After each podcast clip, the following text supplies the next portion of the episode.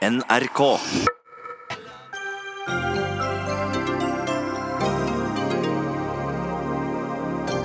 Farlig avfall nordmenn leverer til gjenvinning havner i Afrika og skaper miljøproblemer der. Tolletaten kan forhindre det, men etterlyser politisk vilje. En informasjonskampanje om narkotika virker som ren reklame for GHB, mener Arbeiderpartiet. De leser den som fanden leser Bibelen, svarer foreningen som står bak. Det er politisk isfront på venstresiden i Bergen. SV mener det var en krigserklæring å kaste dem ut av byrådsforhandlingene. Alternativet var borgerlig byråd, svarer Ap. Og den tidligere diktatoren Franco splitter fortsatt Spania, mer enn 40 år etter at han døde.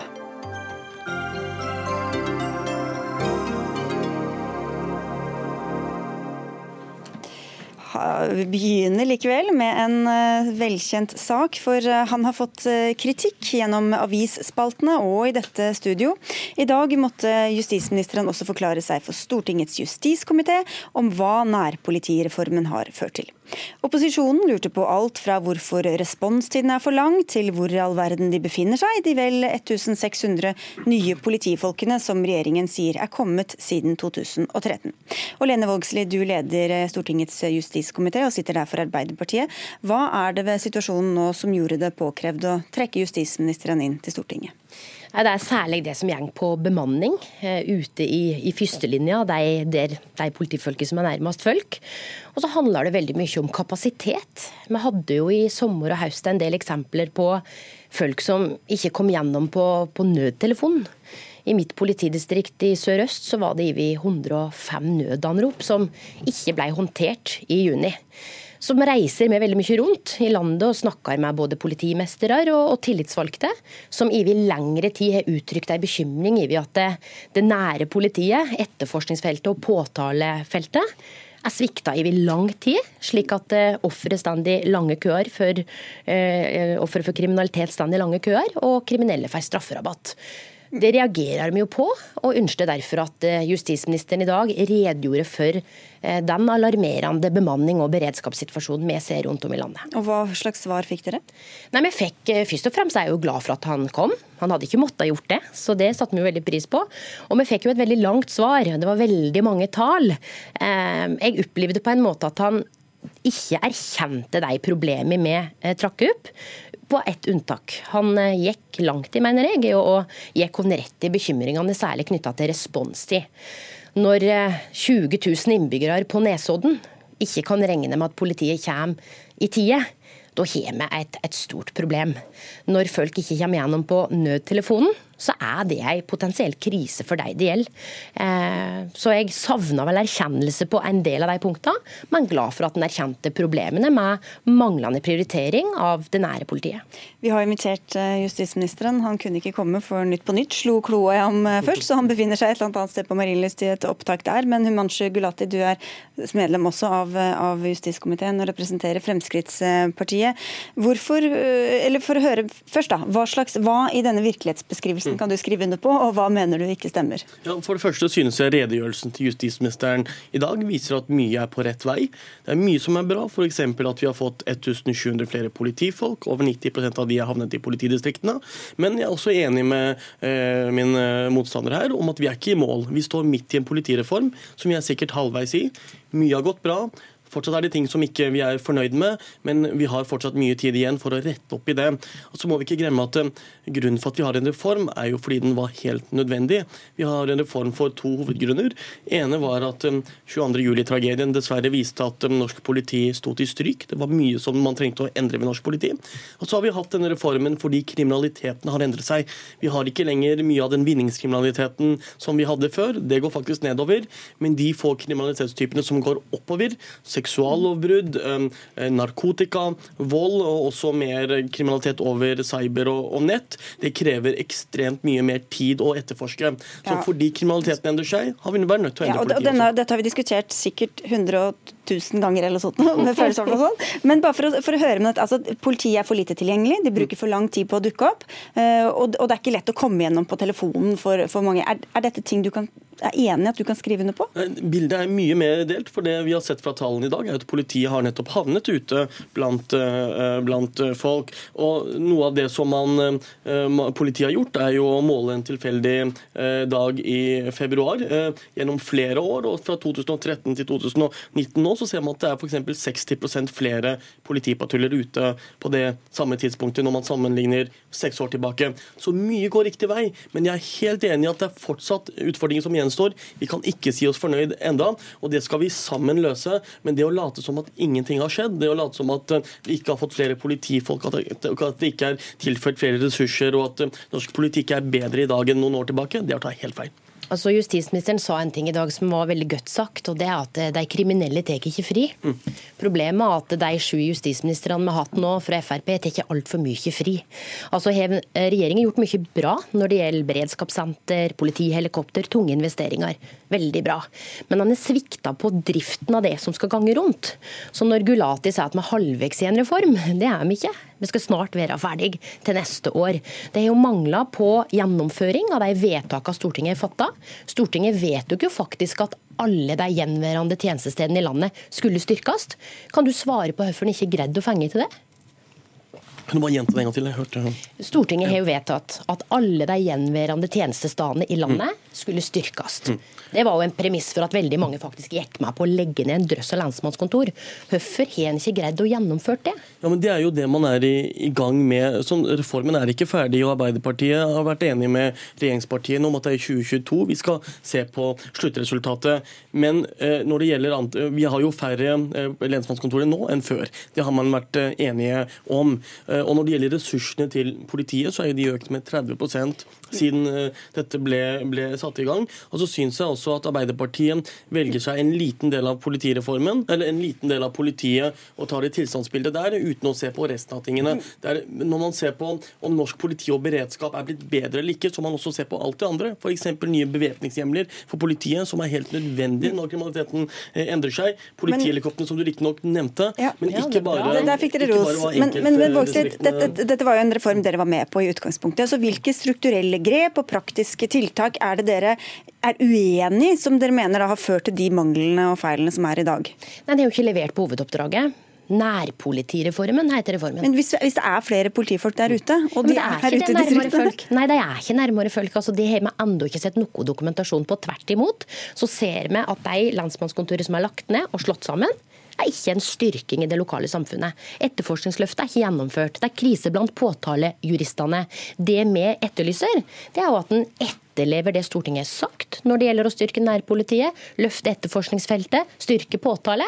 Det har hatt mange år på å levere på nå. I stedet så har de ulike justisministrene fra Frp levert altfor dårlige driftsbudsjetter, som gjør at etterslepet ute i distriktet vokser og vokser og vokser. Og, og, da får du ikke de resultatene. Sa vel også Kalmer at det ikke er nok ressurser i justissektoren. Men, men, men jeg må bare få arrestere uh, min motstander her nå. for Jeg mener Arbeiderpartiet tar feil. Det justisministeren nettopp sier i dag, er at av de 1700 nye politistillingene, så er over 90% havnet nettopp i politidistriktene. Ca. 40% til politipatruljer, ca. 30 til etterforskning. Så tallene viser jo at Og så kan man gjerne si at mer burde gjøres. Kriminaliteten endrer seg raskere enn det man trodde. Vi trenger enda mer, og det er jeg enig i. Senest i det budsjettet som er lagt frem for neste år, så kommer det 350 friske nye millioner kroner.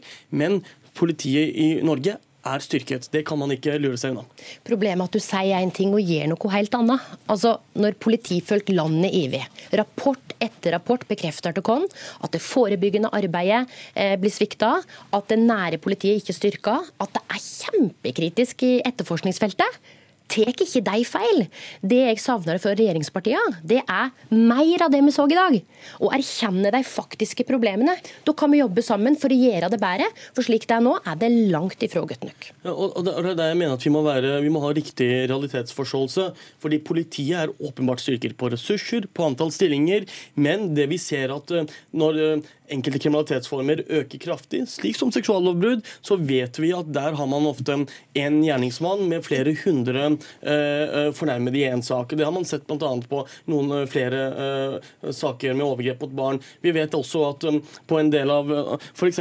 når man har flere drap, så ser man at drapssaker krever nesten to timer med etterforskning, mens vinningskriminalitet som går ned, krever fem timer. Så vi har økt ressursene kraftig, men vi må også ta inn over oss at kriminaliteten endrer seg, og vi trenger ytterligere satsinger. Derfor er det så sent som i det som blir lagt frem av statsbudsjettet for neste år. Nå finne et punktum.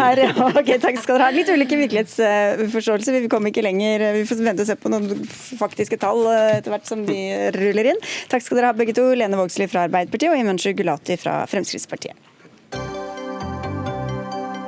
Dagsnytt 18 alle hverdager kl 18.00 på NRK P2 og NRK2.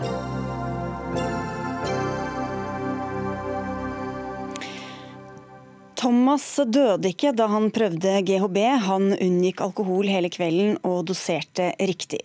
Slik lyder teksten på én av fem plakater fra foreningen Tryggere ruspolitikk. På en annen står det 'Ida døde ikke da hun prøvde MDMA, hun tok bare en halv dose og så han virkningen'. Plakatene er bl.a. utstilt på Stortinget T-banestasjon i Oslo sentrum og på foreningens nettsider. Tellef Inge Mørland, eh, du sitter på Stortinget for Arbeiderpartiet i eh, helse- og omsorgskomiteen og er ikke så begeistra for denne kampanjen. Hvorfor ikke? Nei, vi hadde nærmere 250 narkotikarelaterte dødsfall i 2017. Forebyggende tiltak tror jeg vi alle er for, men jeg er redd for at denne kampanjen dessverre er med på å senke terskelen for å ta i bruk rusmidler, og ikke fungerer som et forebyggende tiltak. Ja, hva er det i denne ordlyden, f.eks. i de som, som, jeg leste opp, som, som, du mener ikke virker avskrekkende nok? eller som virker... Som ja, altså Poenget er ikke nødvendigvis avskrekkende, men jeg syns det er med på å ufarliggjøre f.eks. GHB. Jeg oppfatter at den plakaten sier på mange måter at eh, du kan gjerne prøve GHB, og det kan til og med være mindre farlig enn alkohol. Eh, når det gjelder MDMA-en, så jeg oppfatter det nærmest som at eh, du kan begynne med en liten dose, og så kan du prøve deg fram. Og Det er etter mitt syn med på å ufarliggjøre noe som vi har sett at mange ungdom plutselig har havna på sykehus og kanskje svevd mellom liv og død på, fordi at man ikke har visst hvor farlig det her kan være. Dagfinn Hessen Paus, du er advokat og nestleder i denne foreningen Tryggere ruspolitikk. Hva var det dere ville med denne kampanjen? Jeg møter da ikke som advokat, jeg møter på vegne av foreningen som jeg jobber i. Eh, men formålet med denne kampanjen, som jeg tror de aller fleste forstår, er at vi beskriver her situasjoner hvor noen kunne ha dødd. Og så presiserer vi at i en del tilfeller så er kunnskap avgjørende for hvordan det går for utfallet. Eh, og Mørland står selvfølgelig fritt til å eh, oppfatte dette på den måte han vil, men jeg syns det er veldig rart, sånn som han legger det frem, som om vi skulle oppfordre noen til å gjøre dette her eller som, som, om vi skulle ufarliggjøre dette her. Det vi sier er at noe blir mindre farlig under visse omstendigheter, og det er kunnskap enkelte kan trenge, for det er mange, spesielt i Oslo, som bruker enkelte rusmidler. Men Et eksempel til. Anette døde ikke da hun prøvde LSD. Hun hadde fått stoffet testet og visste hva hun tok. Ja. Kan ikke dette tolkes som at det er greit eh, å ta stoff, så lenge du vet hva du gjør, du kjenner dosene, du vet renhetsgrad osv. osv.? Eh, jeg mener at det ikke kan leses ut fra den teksten. Det det står, er at i dette tilfellet så døde ikke vedkommende pga. X og Y. Det er alt vi sier. Man kan godt lese mer inn i det hvis man vil, men jeg tror at de som leser mer inn i det, det er ikke de som egentlig er målgruppen her, og som kunne vært tilbøyelig til å bruke disse rusmidlene. Det er de som leser dette slik fanden leser Bibelen. Um, ja, Mørland, det er deg, det. Ja. Fanden i dette tilfellet. ja, det har vel ikke blitt sammenligna med før. Eh, og jeg har ikke noe behov for å moralisere på noe som helst måte. men dette står altså på en T-banestasjon der alle uh, går forbi. Uh, det betyr at uh, den gutten eller jenta som kanskje er på fest der for første gang da blir lagt på bordet MDMA eller muligheter for GHB, kanskje tenker på den kampanjen og føler at ja, det er kanskje ikke så farlig likevel. Og det mener jeg er veldig uheldig. Hadde man målretta inn mot grupper som man vet vil bruke, bruker dette her, så ville kanskje oppfattelsen vært noe annet. Men det står på en offentlig T-banestasjon, og jeg er redd for at det her ikke virker forebyggende. men men tvert imot senker terskelen. og Det er min bekymring. Og så er det jo noe med at Vi ønsker eh, i Arbeiderpartiet i hvert fall, en rusreform som går for hjelp framfor straff. Eh, og jeg ser at eh, dere òg bruker begrepet rusreform.no bl.a. Og jeg er redd for at man her kan mobilisere motkreftene mot en sånn reform, når man drar det så langt som jeg opplever denne kampanjen gjør. Først og fremst, denne kampanjen kommer med informasjon som ikke bare er nyttig for dem som bruker disse rusmidlene selv. Den er nyttig også for dem som er eh, bekjente av den som bruker rusmidler. De som måtte være på denne festen og ikke ta noe selv, men som har en venn som gjør det, og som da kan fortelle dem at hei, det der er farlig. Ikke kombiner GHB med alkohol, ikke ta en så stor dose MDMA hvis du ikke har prøvd det før, osv. Dette er informasjon som, som er nyttig å, å, å, få ut i allmennheten. Eh, Nei, ja. Ja. Så vil jeg si at uh, Dette med rusreformen er egentlig helt irrelevant. Uh, det at vi har et domene som heter rusreform.no, det har vi hatt siden før rusreformen til regjeringen. Uh, og Dette her er informasjon som, som, som er ment skadeforebyggende. Dette er informasjon som folk trenger for å kunne ta informerte valg om risiko. Men Hvor farlig og hvor risikabel tror du det kan virke da, på den gemene hop å ta narkotika hvis man, hvis man leser denne, disse reklamekampanjene, eller disse kampanjeplakatene? Så Det denne reklamekampanjen legger opp til, er at folk skal gå inn på nettsiden og lese mer. Alle disse beskrivelsene. Um, Hvor mange tror du gjør det, da? Vi har fått veldig mange besøkende. Men vi har også hatt veldig mange besøkende før denne kampanjen. Vi har hatt 200 000 nordmenn innom vår side uten at vi har promotert siden nesten i det hele tatt. Dette er folk som nesten utelukkende kommer inn via Google. Det er en enorm etterspørsel etter denne type informasjon. Og Blant, altså blant treffene så finner man vår nettside, men også haugevis av andre utenlandske nettsider med variabel kvalitet. Våre artikler er godkjent av tre leger. Eh, det er ikke alle artikler der ute. Eh, og mange nettsider er rett og slett uansvarlige råd med dyr. Og I denne kampanjen så er det veldig lett, det er liksom en knapp man kan trykke på hvor du kan lese mer, få mer informasjon om, om eh, stoffene. Så hvis dette da, som målet er, da, kan faktisk gjøre, det, gjøre at noen unngår å ta overdose er det ikke verdt det? Jo, og da, da er jeg redd for at man bommer her, og at man istedenfor er med på å senke terskelen for å eh, bruke eh, rus, eh, illegale eh, stoffer. Eh, da jeg så at rusopplysningen.no sto bak, så tenkte jeg at dette her er vel sannsynligvis noe som det offentlige har gått god for. Nå har de jo gjort det gjennom Helsedirektoratet, som har støtta kampanjen på, på sett og vis. Men, men det er jo en organisasjon med sitt syn som har har lagt ut eh, både denne kampanjen og den eh, sida. Og jeg er bekymra for at eh, en del unge, kanskje særlig, eh, føler at dette her er mer ufarlig enn det det er pga. denne eh, kampanjen. Det er ikke riktig at Helsedirektoratet har støttet denne kampanjen. Den er det foreningen selv som har betalt for. Rusopplysning.no. Nettsiden har Helsedirektoratet støttet i to år med penger. Eh, den er ikke så veldig ulik f.eks. rustelefonen i det budskapet den kommer med. Du kan gå inn på velferdsetatens nettside Rustelefonen og også få informasjon om hvor mye en dose MDMA er, f.eks. Men vi mener at det er viktigere å gi nok informasjon hvis man først skal gi den type informasjon. Og de som vil lese mer, kan da gå inn på rusreform.no, men ikke ta narkotika, da. Det kan vi jo legge til. Takk skal dere ha begge to. Dagfinn Hessen Paust fra Foreningen Tryggere ruspolitikk, og til deg, Tellef Inge Mørland fra Arbeiderpartiet.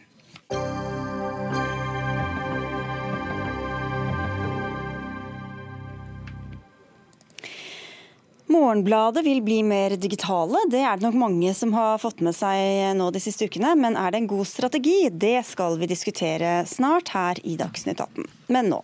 Vi prøver å være miljøvennlige og leverer gamle og defekte kjøleskap eller annet elektronisk eller farlig til, avfall til gjenvinning. Men de siste dagene har NRK Brennpunkt avslørt at mye av dette stjeles, for så å smugles ut av landet. Hele 50% av avfallet forsvinner, og mye havner på søppeldynger i afrikanske land. Øystein Børmer, du er tolldirektør eh, altså i tolletaten. Hva, hva vet dere om dette avfallet som smugles ut av landet? Det er jo en sammensatt problemstilling. Det er mange former for avfall, eh, og som eh, det er avdekket. Det kan være batterier, det kan være elavfall, det kan være biler. Det er mange forskjellige varianter av avfall. og det, Dette er underlagt regler hvis man skal eksportere avfall, som vi i tolletaten har en jobb på vegne av miljømyndighetene kan man si, og kontrollere ved eksport. Og Hvordan skjer denne smuglingen? Det skjer i mange former, men typisk så er det jo i form av konteinere eh, som er fylt med avfall. Det kan være kjøretøy, også brukte kjøretøy, eh, kasserte kjøretøy som er også fylt med avfall. og Som da transporteres ut, ofte sjøveien. Mm. Og Hva slags oversikt har dere over dette avfallet? Ja, nå, vi i Tolletaten jobber i en bransje hvor de aktørene vi jobber med, systematisk forsøker å unngå uh, vår uh, oversikt. Uh, så vi skal ikke si at vi har fasiten. Men, men, det er klart, dette er en problemstilling som vi har jobbet med i lang tid. Ingen overraskelse sånn sett at dette også løftes frem. det er mange forskjellige aktører, og det er ulike typer avfall som går til ulike land. Noe går til Afrika, eh, typisk biler og elavfall. Kina har tatt opp med oss i tolletaten at de ønsker intensivert kontrollinnsats på avfallseksport til Kina. Så det er veldig, veldig mange fasetter i denne diskusjonen. Men Betyr det at dere stanser det, da? Eh, det er ikke sånn at vi har eh, evne til å stanse alt som krysser eh, Norges grenser, men vi jobber risikobasert. Vi jobber med kontrollprioriteringer, og vi har dialog med de ulike myndighetene. I denne sammenhengen så er det særlig miljømyndighetene om hva som skal prioriteres høyest. Ja, og Hva slags signaler har dere fått om hvor høyt dette skal prioriteres? da? Vi har i flere år hatt et samarbeid med Miljødirektoratet om avfallseksport. Vi har en intern veileder som forteller mine ansatte om hvordan de skal kontrollere og hva som er viktigst å kontrollere. Eh, så kan man selvfølgelig alltid diskutere om dette er et område vi skal prioritere høyere enn vi gjør i dag. Ja, fordi dere, Er det da sånn at dere vet om eh, ting som bare slippes ut av landet som kunne vært stanset, eller hvordan er det? Vi, det, er, det er, som sagt, vi har ikke full kontroll på at all eksport og import av varer til Norge følger lover og regler. Det ville krevd hel, et helt annet samfunn jo, men, jo, enn det vi lever i. Jo, men er det sånn at dere kjenner til da, risikokjøretøy eksempel, som dere ikke prioriterer eller ikke har ressurser til å stanse? Det er helt opplagt at eh, det også eh, er objekter som går ut av dette landet med avfall som har unnlatt seg vår oppmerksomhet. Og Hvis dere da fikk andre signaler fra politikerne om hva som skulle prioriteres, kunne da mer av dette vært stanset? Det er en løpende vurdering. og da må man, Det er en større diskusjon om hvilke områder vi da skulle prioritert ned eventuelt. Ja, Det forstår jeg, men dette kunne vært prioritert opp. Ja, og vi, jeg vil si at vi har en ganske høy oppmerksomhet på den problemstillingen og gjennomfører eh, løpende kontroller også på eksportkontroll av avfall. Så det er ikke sånn at det ikke er fokus i dag, men man kan selvfølgelig diskutere prioriteringene. Ok, Vi får prøve å lese litt mellom linjene her. Du vil ikke være med å diskutere, men vi spiller ballen videre til deg, klima- og miljøminister Ola Elvestuen. Sånn som jeg hører det da, så kunne de i hvert fall ha stanset mer hvis dette ble prioritert eh, høyere? Dette skal prioriteres høyere. Dette er miljøkriminalitet, og det er miljøkriminalitet som må bekjempes. Eh, og det må vi gjøre, på, må vi gjøre i, hele, i hele, På alle feltene, ikke bare via eh, på grensene med, med Tolldirektoratet. Dette må vi se på nå. Vi har et godt regelverk, men det blir ikke fulgt. Så vi må sørge for at det, det som da leveres inn, ikke blir stjålet, og at vi får stoppe hele den ja, vi skal komme, verdikjeden. Vi skal komme til, det, til, dette med stjelingen, men, men, hørte du det jeg hørte? At dette uh, kunne vært uh, potensielt prioritert høyere, men da må noe annet selvfølgelig prioriteres ned. Og Hva sier det eventuelt om hvor alvorlig dette blir tatt? Nei, Dette skal prioriteres høyere, fordi det handler om Fremover. miljø. Ja, jeg har, bedt, eh, jeg har nettopp sett Miljødirektoratet og bedt de komme tilbake med forslag til hva de kan gjøre nå i løpet av det neste året, så vi kan få se på de tiltakene som er enkle å gjennomføre. Og også at man setter seg sammen med de ulike etatene for å se på også hva de i fellesskap kan få bedre samarbeid. Jeg jobber også da med det som tar litt lengre tid, men det er å legge fram en, en stortingsmelding om miljøkriminalitet og miljøkriminalitet både da i Norge og internasjonalt. og Dette vil være en del av det. Ok, Vi skal bare høre litt mer om hva denne miljøkriminaliteten egentlig da går ut på. Anja Bakken Riise, du er leder i Framtiden i våre hender. Hva, hva, vet vi om hva som skjer med dette avfallet når det da kommer og havner i, i andre land eh, langt borte? Mm. Ja, altså det her er jo eh, eksport av til dels helse- og miljøskadelig farlig avfall til fattige land eh, med svært mangelfulle avfallshåndteringssystemer. Og det som er at Veldig mye av vårt elektroniske avfall eh, det kan inneholde kreftfremkallende miljøgifter. Det inneholder bly, eh, tungmetaller, som da havner på åpne dynger i, land i sør. Så snakker vi om det her som om det er avfall, men det er jo faktisk ressurser, og for, særlig for fattige mennesker i andre land, veldig store verdier. Eh, som de da jobber for å ta ut av mobiltelefoner, ledninger, vaskemaskiner osv. Det gjør de ofte uten beskyttelsesutstyr og, på mer eller mindre utrygge måter. F.eks. da ved å brenne gummiledninger for å få tilgang til kobberet som er inni, som selges videre for en liten fortjeneste. Eh, men som da fører til giftige utslipp eh, og røyk, som går utover både menneskene, lufta, jorda og vannet rundt disse dyngene. Mm. Ok, Så til det jeg avbrøt deg litt på, Elvestuen. Eh, hvis det ikke stanses på grensa, så må det vel stanses fra å bli stjålet i det hele tatt. Og Hva slags mekanismer og hva slags kontroll har vi der? Vi må, må, se på hele innsamlingssystemet. Det er derfor jeg har bedt Miljødirektoratet komme tilbake med det. For det er klart at her så må vi, vi må se på hvordan dette fungerer overfor de som samler inn. Folk må være trygge på at eh, det de leverer inn av elektronisk avfall, det også blir, det blir håndtert på riktig måte. Eh, så vi må se på hele, den, hele, hele kjeden og alle leddene fra det leveres inn og hele veien da til du får en eh, forsvarlig håndtering av det, og at det ikke kommer på avveie i den grad som det nå viser seg at det gjør. Og det har gjort en eh, fremragende jobb også NRK for å, for å få frem. Ja, for det, Dere er jo da blant dem som samler inn dette, Bjørn Arild Thon. Du er administrerende direktør i Renas, som er et av de største returselskapene her. Returordningen kollapser pga. smugling, har du sagt. Hvor stort problem er dette egentlig? Ja, altså, for å si Det det viktigste akkurat nå er at uh, folk ikke mister tillit til denne ordningen, som har virka godt i Norge over 20 år. Og Det er det viktigste som er nå, at folk fortsetter å levere elavfallet sitt på samme måte som de alltid har gjort, og ikke stopper med det. Så er det, så, så er det et par ting som er viktige her. og Det er at det programmet vi har sett nå, det avdekka det som vi har advart om i lang tid. Og Det er organisert kriminalitet. Det er ingen tvil om det. Og Det rammer jo mennesker i fattige land, og klima og miljø blir ramma. Men samtidig så taper vi i Norge store verdier og nyttige råstoffer som vi kunne brukt til ny verdiskapning. Så så vil jeg si Det er fint at klimaministeren er her i dag, men han burde tatt, opp, eh, tatt med seg justisministeren. For det, Vi mener det er på tide å trappe opp eh, kampen mot denne organiserte kriminaliteten. Og disse tyvene må vi ta. Så det er godt å høre tilbakemeldingene fra ja, klimaministeren. Justisministeren sitter i Nytt på Nytt, men du kan jo få svare, Elvestuen. Hvor, hvor, hvor, hvor godt har dette vært prioritert også fra justissektoren, å slå ned på denne type organisert kriminalitet?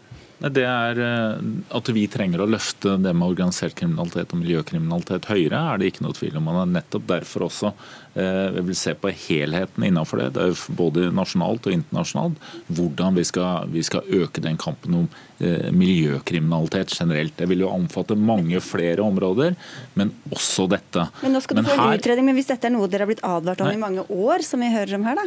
Nei, det her sånn så Jeg tror det er riktig som det sies, at vi har, vi har i utgangspunktet et godt regelverk. Regelverket er det egentlig ikke noe galt å, å si om, men det er hvordan det etterfølges. Og så er det klart at her sånn har det hatt et veldig veldig tillitsbasert eh, system. Eh, både når folk har levert inn og de har, har kunnet stole på at det kunne håndteres riktig. Og så har du da fått andre som kommer inn, eh, organisert kriminelle, som har utnytta det systemet. Den situasjonen den må vi nå stoppe. Og Da trenger vi å se på de strakstiltakene som vi må gjøre. Der må vi få tilbakemelding. Jeg må få fra Miljødirektoratet.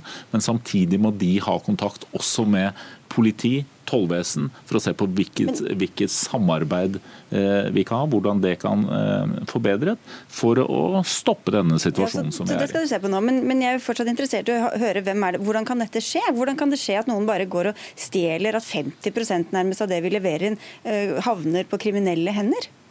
Ja, altså det er jo sånn at uh, Dagens ordning den uh, fungerer sånn at de som tilfører et uh, elektrisk produkt til markedet i Norge i dag, de er også ansvarlige for å sørge for at det, at det produktet blir håndtert skikkelig når det blir, oppstår som avfall igjen i andre enden. Og I dag så er det jo sånn at det er jo studenten på 18 år som står i butikken en lørdag formiddag, som også er ansvarlig for å passe på og sikre at det farlige avfallet som oppstår i bakgården, blir tatt vare på. Sånn er det i dag. Eh, og her må, kunne, her må, vi kunne, se på dette her og vurdere er dette riktig å ha det på den måten. Men da må vi til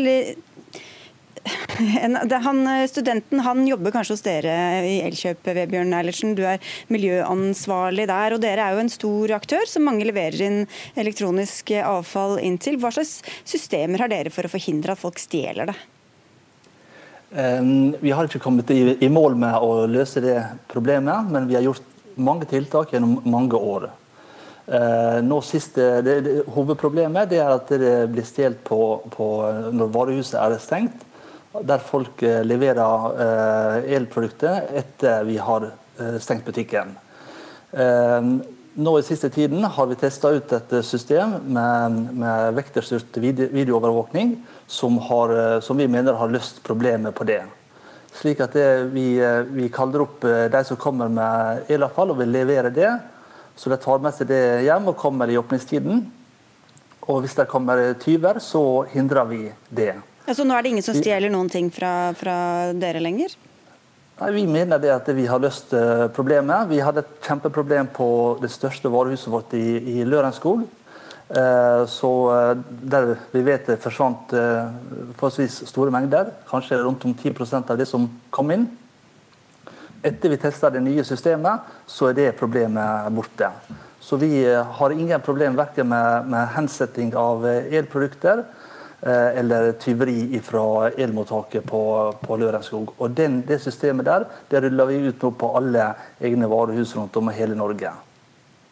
Så vi har endelig funnet en løsning som, som fungerer. Ja, og det er jo nettopp det vi nå må gjøre. Forhandlerne må vi, må vi ha kontakt med avfallsselskapene, politi, tollvesen, miljømyndigheter.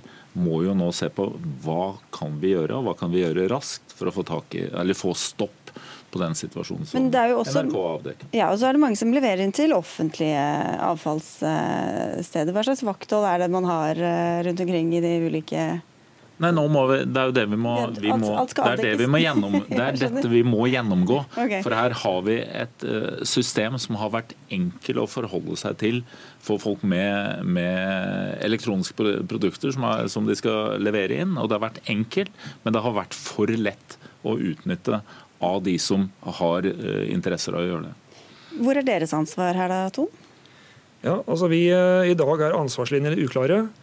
Eh, så vi ønsker et større ansvar. At man plasserer ansvaret hos oss, returselskapene.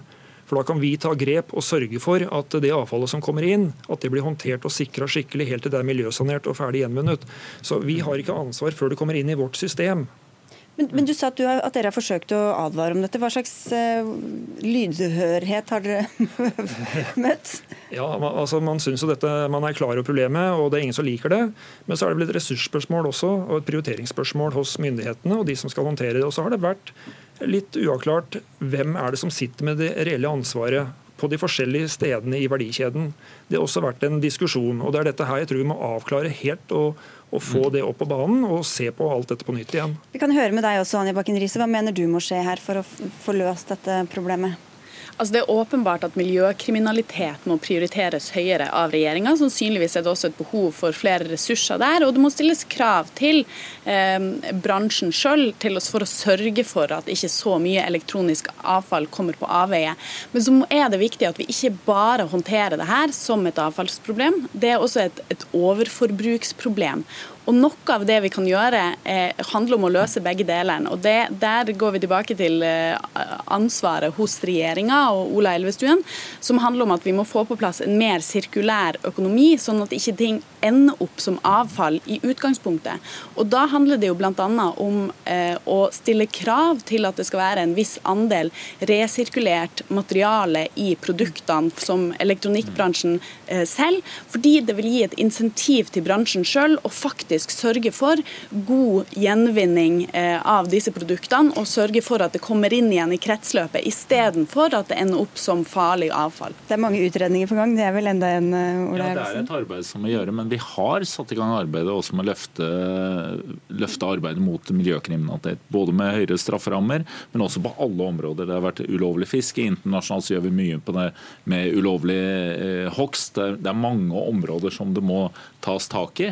Vi skal legge fram en egen stortingsmelding om det, eh, også for, å, for at Stortinget skal mulighet til å løfte det fram som en prioritet. Og vi jobber også med en eh, strategi for sirkulær økonomi, nettopp som skal se på hvordan vi skal ta en lederposisjon også innenfor det feltet. Her sånn trenger vi å løfte oss opp til flere divisjoner.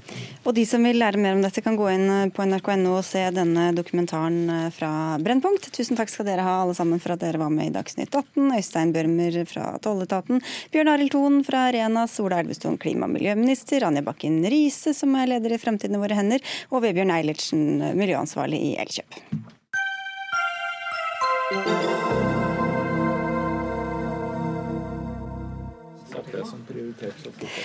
Journalister eh, sluttet i protest, eksterne skribenter nektet å levere tekster. Protestene var høylytte og konflikten bitter. Det har ikke vært særlig glade dager i Morgenbladet den siste tiden. Noe har handlet om misnøye med redaktøren, som nå er gått av. Men selv med en ny konstituert redaktør, så gjenstår fortsatt uenigheten om strategien.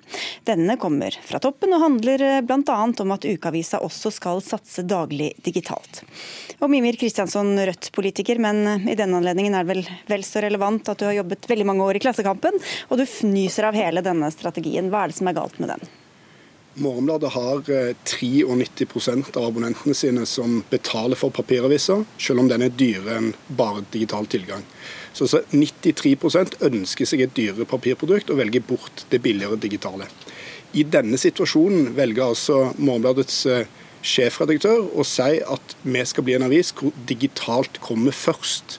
Alt vi gjør, skal, skal produseres med tanke på digital publisering. Og Det man da gjør, er at man setter 93% av abonnentene sine i andre rekke. Man sier de kommer på andreplass, og så ser man at det lille mindretallet som foretrekker digitalt, de skal prioriteres først. Og Det tror jeg er en veldig uheldig strategi som underminerer grunnlaget for Morgenbladet. Og Jeg er ikke mot at Morgenbladet eller andre aviser skal satse på digitalt, men jeg bare tror at det er dumt å kutte i og skusle bort den gode papiravisen man har, for å jage etter noen digitale effekter som er høyst usikre. I den gang man skal bygge opp et digital satsing, så må det være som et supplement til en sterk papiravis, ikke på bekostning av det produktet leserne vil ha, og som de betaler for. Mm. Da blir det altså halen som logrer med hunden, og ikke omvendt. Nils August Andressen, ansvarlig redaktør i Minerva, du har også skrevet eh, om Morgenbladets strategi, og lander ikke helt der hvor Kristiansson gjør? Nei, altså det, det, Mitt hovedanliggende her har jo vært at uh, ikke at det finnes ulike syn på strategien, men konsekvensene dette får. Uh, Mimir Kristiansson uh, jo, skrev jo selv på Facebook at han takket nei til eh, oppdrag for avisen pga. Av NOST, altså eierselskapet, eh, og deres strategi. Og så er det sånn, Alle kan ha sin strategi om Morgenbladet. Det er litt som med fotballandslaget. Alle har en mening om hvem som burde spilt der. Og Det, det Mime Kristiansen mener, er på en måte at Stig Inge Bjørneby burde fortsatt være venstreback, Tore André Flo burde spille på topp, og så burde man slå langpasninger. Det har alltid fungert bra. Men saken er jo den at det er på en måte landslagssjefen eller den ansvarlige redaktøren som har det som sitt ansvar å finne ut hva som er avisens situasjon, og hva som kan være en strategi fremover. Og Et åpenbart problem for Morgenbladet er at avisen mister veldig mange papirabonnenter hvert år. De er altså ikke så fornøyd med papiravisen at de fortsetter å holde den. Eh, og at avisen sliter med å gjøre seg relevant. Og, og Mime Kristiansson og Bjørge Flånen og, og Klassekampen, eh, nå Marius Kurdal, har jo lykkes veldig godt med papiravisen. Men de har vært en dagsavis, mens Morgenbladet er en ukesavis som sliter med å holde relevans gjennom uken. Og Selv om noe fungerte bra de siste 15 årene, litt som Stig Inge Bjørnby, så er det ikke sikkert at det fungerer like bra de neste 15 årene. Jeg vil bare presisere at Vi har også invitert Sunn Heidi Sebe, som er altså konstituert redaktør hit, og hun uh, takket nei. Men Kristiansson, du kan jo få svare på dette savnet etter Drillo, eller hva det var jeg skal lese ut av denne analogien. Ja, Dette er jo bare tull og tøys. Altså, Jeg savner ikke Drillo, jeg snakker om nåtiden i Morgenbladet, ikke om noe som skjedde i 1994 opplaget til Morgenbladet på papir er vesentlig høyere i 2019 enn det var i 2009. Du sier at du mister mange papirabonnenter hvert, år. Det er feil, Nils August. Det er en liten nedgang fra i fjor, men Morgenbladet holder seg overraskende stabilt og er vesentlig større på papir enn det var når Stig Inge Bjørneby var venstreback på landslaget. Det du må forklare, er hvorfor et avis er villig til å skusle bort sitt største aktivum, nemlig en papiravis folk er glad i, som nærmere 30 000 mennesker betaler for å abonnere for, for å utvikle et digitalt produkt som så langt knapt 1000-2000 mennesker har vist noen vilje til å foretrekke framfor papiret. Og jeg er også, Du kan gjerne tenke 10-20-30 år fram i tid, men det man gjør nå, er altså man kutter dramatisk i Morgenbladets papirproduksjon. Man kutter vel en fjerdedel av staben.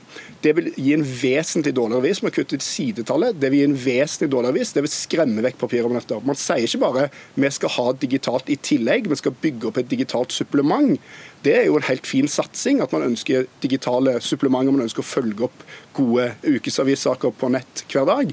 Man sier alt digitalt skal komme først. Alt skal produseres med tanke på digitalt, og du risikerer å redusere papiravisen til en print av de ti beste digitalsakene i uken som kom. Og hvis det er én oppskrift på å skremme vekk betalende, lojale, trofaste papirabonnenter som du tjener penger på, så er det dette. Så Mitt poeng er ikke at antall abonnenter går vesentlig ned, det er at frafallet hvert år er veldig høyt. Så har man, også, har man også vært i stand til å få nye abonnenter som har holdt det noenlunde stabilt. Man har et veldig høyt frafall sammenlignet med resten av bransjen. Men Nils August, nå, Mimmer, Nils August ja. Vent, vent litt da, Kristiansson. Ja.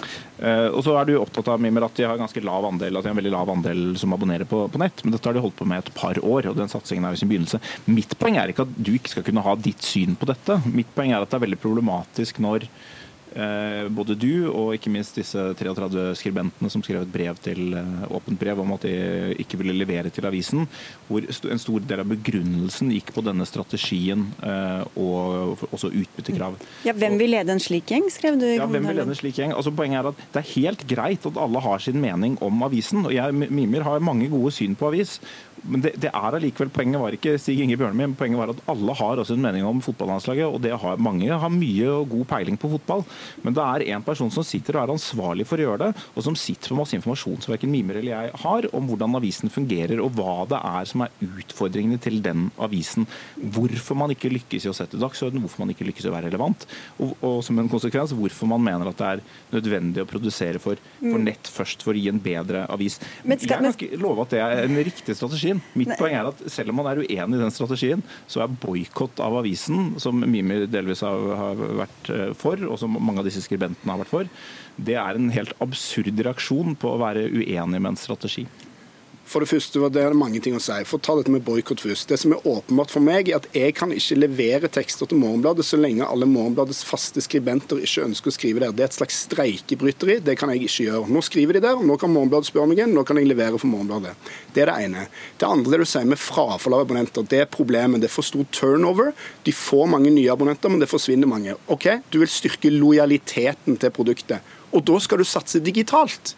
Det er de minst lojale abonnentene du kan få, er de digitale abonnentene. Papiravisabonnenter er vesentlig mer lojale i alle publikasjoner, og det gjelder garantert for Morgenbladet òg. Så vil du bygge opp lojal leserbase, er det problemet til Morgenbladet. Lojal abonnementsbase. Da vil jeg ikke satse digitalt. Og så til dette med hvem som kan ha en mening om dette. Jeg og Nils August er jo bare noen synsere. Våre meninger det kan jeg være helt enig med Nils August i. Det som hører to eh, gutter på puben sitte og diskutere fotballandslaget, det er greit. Men her snakker vi om det er ikke én person som har ansvar for Morgenbladets videreutvikling. Det jobber jo en haug med mennesker der. De er jo ansvarlige, de òg, for å lage en avis. De er òg eiere på sin måte, stakeholders i Morgenbladet. De har òg vært med å bygge opp Morgenbladet. Skribentene, journalistene, administrasjonen. Så å si at det der er sånn du lager god avisstrategi, at det bare kommer en leder og han er den eneste som skal få lov til å bestemme og sitte med ansvaret, det går ikke an. Nei, Da får vi sette over til slutt til den ansvarlige redaktøren. Da skal du bare ha lojale medarbeidere som følger hvert minste vink fra toppen? Nei, selvfølgelig ikke. Men det er derfor jeg sier hvem vil lede en sånn gjeng. Altså, det er, uh, dette er jo en strategi som er forankret i styret, i, hos uh, ledergruppen i Morgenbladet, sjefsredaktør, og hos eier. Og så er de ansatte mot, og det er en krevende situasjon. og Det har sikkert vært mye galt som har skjedd der i kommunikasjonen og forankringen. Og kanskje er strategien dårlig, hva vet jeg. Men det, det kan ikke være sånn at selv om man er ansatt i en bedrift, hvis man er uenig med strategien, så løser man det på denne måten. Og Spesielt ikke hvis man er en tilknyttet skribent som mimer nå vil være lojal streikebryter, ikke, ikke være streikebryter for, en eller annen perifer tilknyttet. Alle skal ha sin mening. En avis hvor alle skal ha sin mening, det er ikke lett å få til nødvendig endring. Da får i hvert fall Morgenbladet ta en ny telefon til Mimmi Kristiansson. Hørtes ut som han var litt mildere stemt nå. Og så takker vi av de to guttene på puben, Nils August Andresen fra Minerva og Mimir Kristiansson, eh, tidligere journalist i Klassekampen. Hør Dagsnytt 18 når du vil. Radio NRK NO.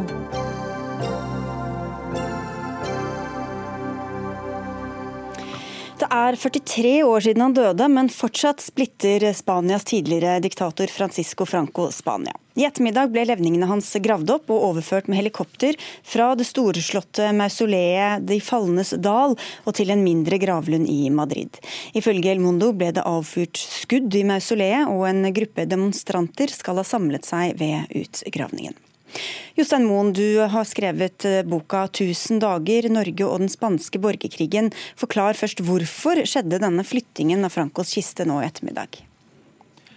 Vi har jo vært vitne til et realt eh, historisk, politisk, juridisk og personlig drama i dag, når Franco, som leda opprørshæren under borgerkrigen for over 80 år siden, eh, altså ble gravd opp og forflytta i dag, eh, etter et vedtak i det spanske parlamentet med 176 mot 165 avholdende stemmer. Så Spania er delt i to, men Franco er borte. og Dette er et eh, veldig spesielt tidspunkt både for borgerkrigens vinnere og dem som tapte borgerkrigen.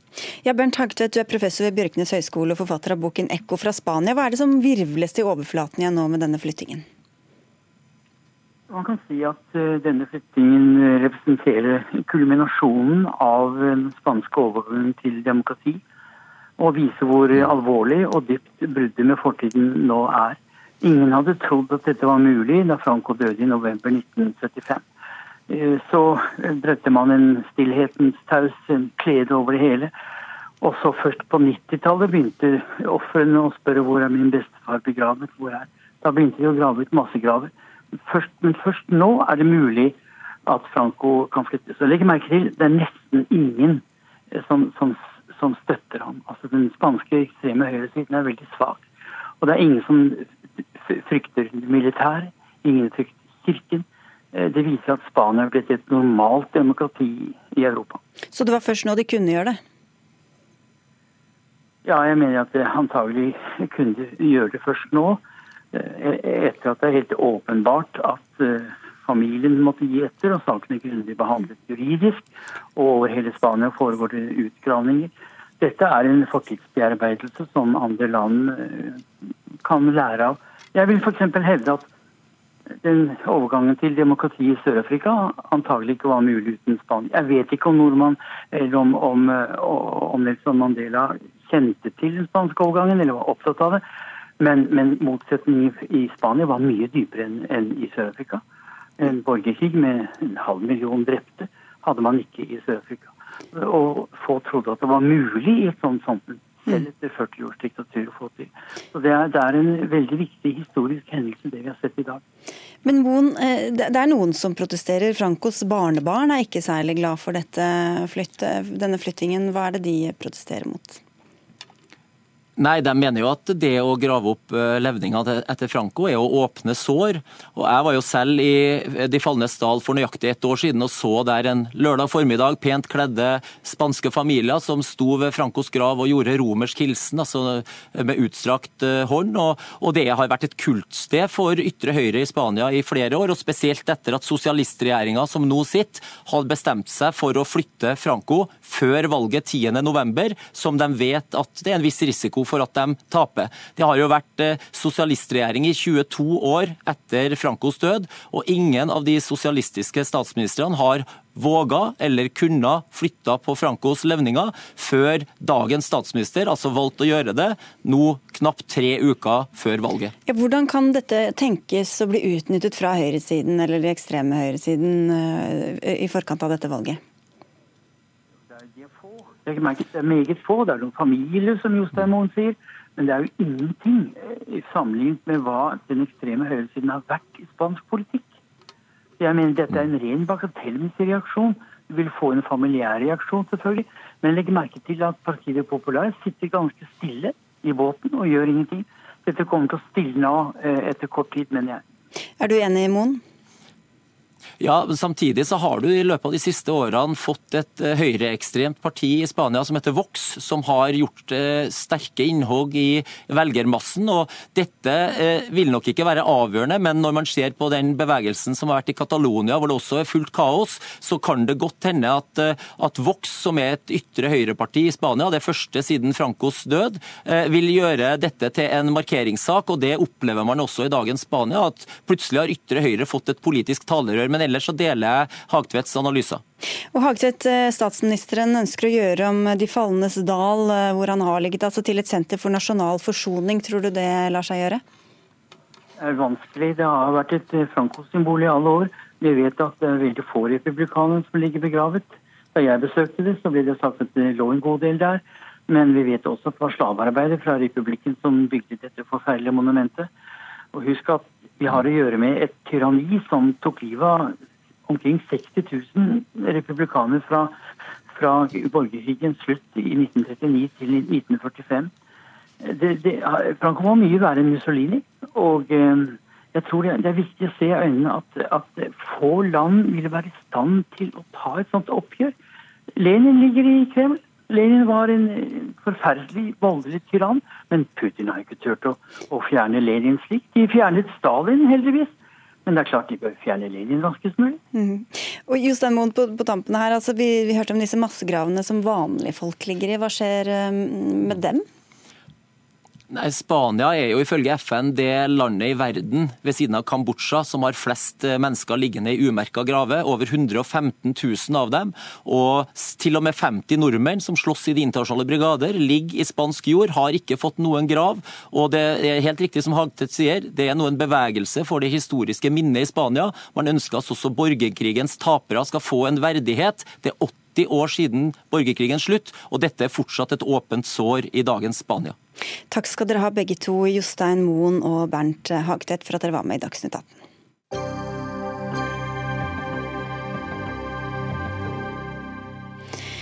Og da skal vi til Bergen, hvor det er eh, det vi kan kalle en politisk isfront mellom partiene på venstresiden. For etter noen dramatiske dager dannet Arbeiderpartiet i går byråd sammen med Venstre, Miljøpartiet De Grønne og Kristelig Folkeparti.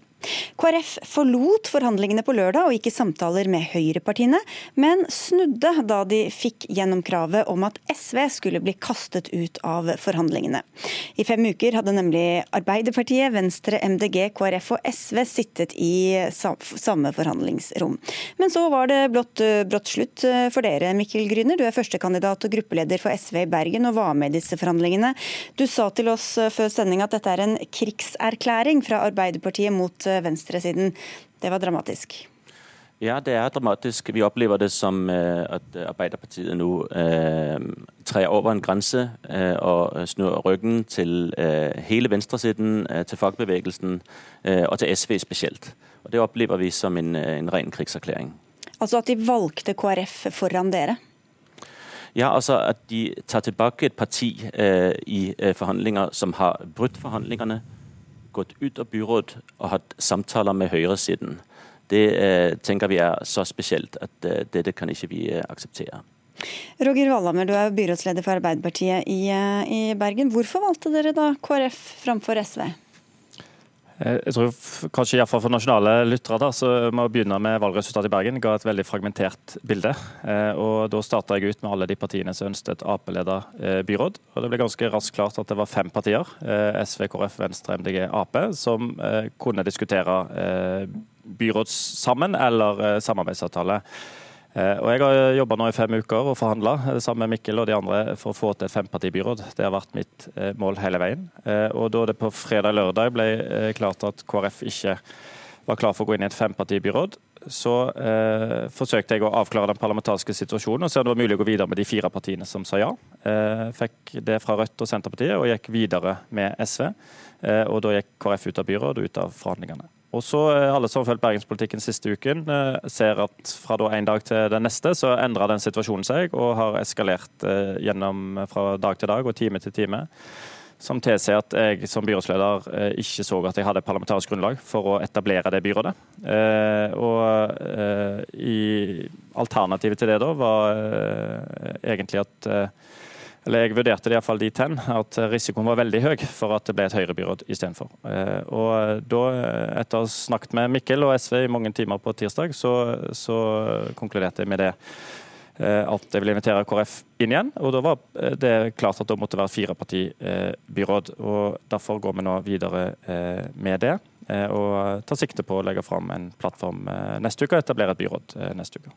Hvis, ja, Gryne, hvis valget var sto mellom eh, et høyrebyråd eller et venstresidebyråd, venstre-sentrum-byråd uten dere, hva, hva, hva, ville du valgt da? Altså For det første så tror jeg ikke det er det som er alternativene her. Eh, jeg tror Arbeiderpartiet handlet i panikk. Eh, og de byttet ut våre seks mandater med KrF sine to mandater fordi de føler seg mer komfortable med å samarbeide med øh, sentrumsnære, konservative partier som øh, Venstre, KrF og MDG. Vi tenker at dette er et byråd som står veldig svakt, som lever veldig farlig. Og vi har ikke tenkt å garantere for dette byrådet. Vi kommer til å stemme for det vi er for, og stemme mot det vi er mot. Så vi er nå et opposisjonsparti. Valdamer? Ja, jeg har veldig forståelse for alt eh, Mikkel sier, egentlig. Jeg skjønner at det ikke betyr så mye i dag, da, men tirs, ja, tirsdag var det tror jeg var min jeg, tøffeste dag i voksen eh, alder. Eh, men jeg mener at eller Jeg håper da, at det er politikken som kommer til å avgjøre. og det er egentlig det jeg hører Mikkel si jo, at Den kommer ikke til å garantere for noe byråd. Men det er klart, vi er et mindretallsbyråd, og vi er veldig klar over det. Vi har ikke noe avtale med noe andre parti. Eh, og Vi er nødt til å vise gjennom den politikken vi fører, at vi er tilliten verdig. Og vi er nødt til å vise gjennom politikken at vi klarer å etablere flertall fra sak til sak. Eh, store og små saker og, og budsjetter. Eh, og er selvfølgelig veldig klar over at det er ingen selvfølge, og det er opp til oss å lykkes med det. Men Du sa selv at det var et fragmentert bilde, og hvor Arbeiderpartiet gjorde det dårlig og SV gjorde det godt. Altså Partiet fikk 8,6% oppslutning. KrF, som dere da skal samarbeide med, fikk under halvparten 3,1% og blir da tatt inn i varmen. Hva slags budskap er det til velgere på, på venstresida? Eh, men Det er viktig å se hele valgresultatet. Altså Bompengepartiet fikk elleve mandater, men de er ikke en del av et styringsgrunnlag med Arbeiderpartiet. Eh, og det er ikke, Venstresida har ikke flertall i Bergen. Eh, det er eh, sentrum-venstre som eventuelt har eh, flertall. og Da er vi nødt til å ha med flere partier. Senterpartiet, KrF, Venstre, MDG som sentrumspartier. Som vi mener er gode partier å samarbeide med, som har masse felles med. Det har jo disse fem ukene i forhandlinger også vist at det er veldig mye felles mellom disse partiene. og Jeg håper at vi skal få til det for Bergen de neste fire årene. Det er det det handler om for oss og for meg, det er politikken. og jeg håper at SV er interessert i det. Eh, eh, hvis vi selvfølgelig da kommer med en politikk som er relevant og som er mulig å finne flertall på. Eh, og få gjennomført den politikken en gikk til valg på for velgerne sine og for partiet sitt. Og Jeg har iallfall stor tro på det. Og så mener jeg at det er mye bedre med et sentrum-venstre-byråd enn med et Høyre-byråd. Grüner. Vi er bekymret fordi vi ser at Arbeiderpartiet holder på å utspille sin rolle som et sosialt og rettferdig venstresideparti, og eh, nå eh, etablerer seg som et eh, venstresideparti, og nå etablerer seg som et rent sentrumsparti i Bergen. Dette er egentlig veldig dramatisk, og vi er, vi er svært bekymret for hvordan det skal gå videre. Jo, men hvis, Hva skulle Arbeiderpartiet gjort da, hvis KrF sa vi blir ikke med, rett og slett, hvis SV skal sitte ved roret? Det hadde fortsatt vært et uh, styringsdyktig flertall uh, med Senterpartiet som, som parlamentarisk grunnlag. men Arbeiderpartiet fikk panikk pga. en pågående fløykamp i Senterpartiet her lokalt. handlet overilt og mistolket situasjonen. Ja, det var ikke så god attest. Men da er, for å stille et konkret spørsmål da. Hvis du hadde opplevd at du hadde hatt sikker informasjon, da, at Senterpartiet hadde valgt å gå i forhandlinger med Høyre, ville du da ment at dette var riktig? Eh, og ville du fortsatt ment at Arbeiderpartiet ikke lenger var et sosialdemokratisk parti? Eh, fordi det er noe hardhet i disse ordene da, som jeg mener eh, bør kanskje avgjøres av den politikken det nye byrådet kommer til å føre. Eh, og jeg er helt sikker på at når vi legger fram vår eh, plattform, så vil Mikkel Gryner og andre se at eh, dette er en eh, plattform med veldig sterk sosialdemokratisk eh, parti og, nei, politikk, og ikke minst veldig mye som fagbevegelsen og andre vil sette pris på. Hvor alternativet er jo ren høyrepolitikk, som er eh, det motsatte. Eh, og Der er det null gjennomslag for både ditt og mitt eh, parti de neste fire årene. Det er jo mange som skuler til storbyene for å se hva som skjer av samarbeid der, for å kunne lese også det rikspolitiske bildet. Gryner, kan du lese noe inn i dette med tanke på Arbeiderpartiet riksplan, hvor også mye av de samme diskusjonene pågår for øyeblikket? Ja, åpenbart. Altså, Bergen har fra valget i 2015 vært utstillingsvindu for en mulig samarbeid samarbeidsmodell mellom eh, Arbeiderpartiet og, og sentrumspartiene. Eh, så gikk det som det gikk når Venstre og KrF trådte inn i, i Høyre sin regjering, og vi trodde at Arbeiderpartiet hadde gått vekk fra den svake strategiske analyse som lå til grunn for det samarbeidet. Det som er enda mer påfallende her i Bergen, er at vi nå ser at MDG og Eh, etablerer seg som ikke bare som et sentrumsparti, men som et, et, et borgerlig parti eh, langt eh, til høyre. Ok, Da skal du få 20 sekunder til tampen.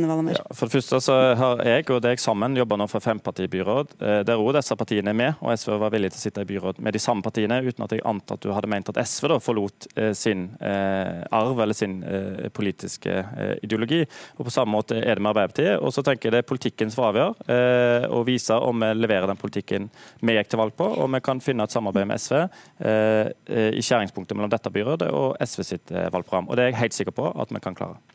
Topp stemning i Bergen. Takk skal dere ha begge to for at dere var med, Roger Wallhammer fra Arbeiderpartiet og Mikkel Gryner fra SV. Dagsnytt 18 er over for i dag. Espen Aas er tilbake i morgen. Anne Katrine Førli var ansvarlig for innholdet. Frode Thorshaug hadde det tekniske ansvaret. Og jeg heter Sigrid Solund og ønsker takk for nå og god kveld.